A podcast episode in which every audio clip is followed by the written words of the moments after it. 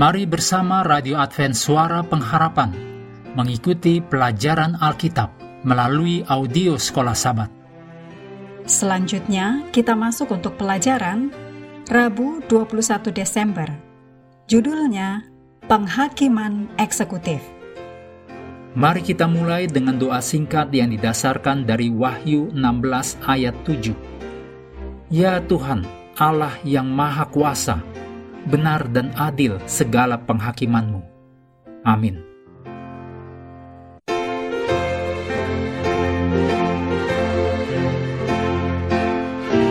Selama abad pertengahan, ada kecenderungan kuat untuk menggambarkan Allah sebagai hakim yang kejam dan menghukum. Sekarang ini, kecenderungannya adalah untuk menggambarkan Allah sebagai Bapa yang penuh kasih dan permisif yang tidak pernah menghukum anak-anaknya. Namun, kasih tanpa keadilan akan berubah menjadi kekacauan dan pelanggaran hukum, dan keadilan tanpa kasih akan menjadi penindasan dan penaklukan. Proses penghakiman Tuhan adalah perpaduan sempurna antara keadilan dan belas kasihan. Yang keduanya berasal dari kasih Tuhan yang tak bersyarat. Penghakiman eksekutif adalah keputusan Allah untuk hukuman terakhir dan tidak dapat diubah dalam sejarah manusia. Penghakiman hukuman secara terbatas pernah terjadi dan diberlakukan oleh Tuhan. Misalnya peristiwa mengusir iblis dan malaikat pemberontak dari surga yang ditulis dalam Wahyu 12 ayat 7 sampai 12. Mengusir Adam dan Hawa dari Taman Eden yang ditulis dalam kejadian pasal 3. Peristiwa air bah yang ditulis dalam kejadian pasal 6 sampai 8. Kehancuran Sodom dan Gomora di dalam kejadian 19 dan juga Yudas 7. Kematian anak sulung di Mesir yang ditulis dalam Keluaran 11 sampai 12 dan kematian Ananias dan Safira yang ditulis dalam Kisah Para Rasul 5 ayat 1 sampai 11. Jadi, tidak mengherankan bahwa akan ada penghakiman eksekutif bagi orang jahat juga pada akhir sejarah manusia.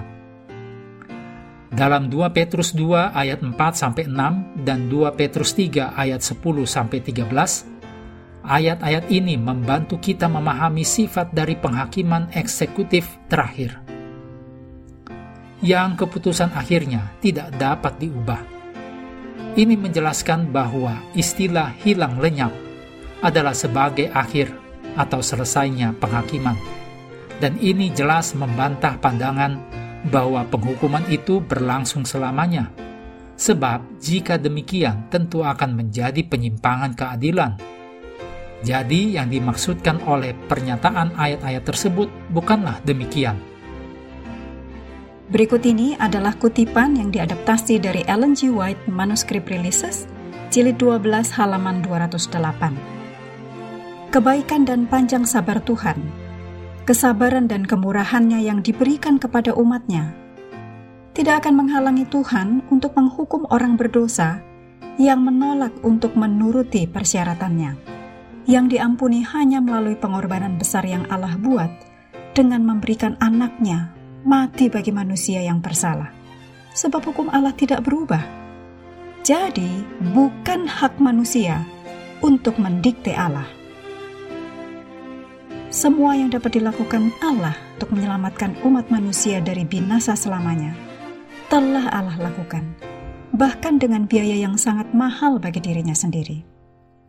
Mereka yang pada akhirnya terhilang membuat pilihan yang membawa mereka ke akhir yang sungguh disayangkan ini. Pendapat bahwa penghakiman Allah atas orang yang hilang, bahkan pemusnahan orang yang hilang, dan bukan siksaan kekal, pendapat bahwa ini bertentangan dengan karakter Allah yang penuh kasih adalah pendapat yang salah. Sesungguhnya ini adalah bentuk kasih Allah, dan hanya kasih Allah yang juga menuntut keadilan. Salib itu mengajarkan kepada kita tentang apa yang Allah rela lakukan, yaitu mati untuk menyelamatkan setiap orang yang mau diselamatkan. Mengakhiri pelajaran hari ini, mari kembali kepada ayat hafalan kita dalam 2 Korintus 5 ayat 10.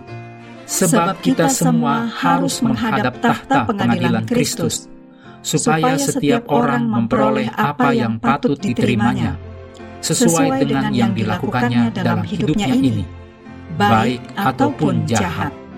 Kami terus mendorong Anda untuk mengambil waktu bersekutu dengan Tuhan setiap hari, bersama dengan seluruh anggota keluarga, baik melalui renungan harian, pelajaran sekolah sahabat, juga bacaan Alkitab sedunia, percayalah kepada nabi-nabinya, yang untuk hari ini melanjutkan dari 1 Tawarikh pasal 4. Tuhan memberkati kita semua.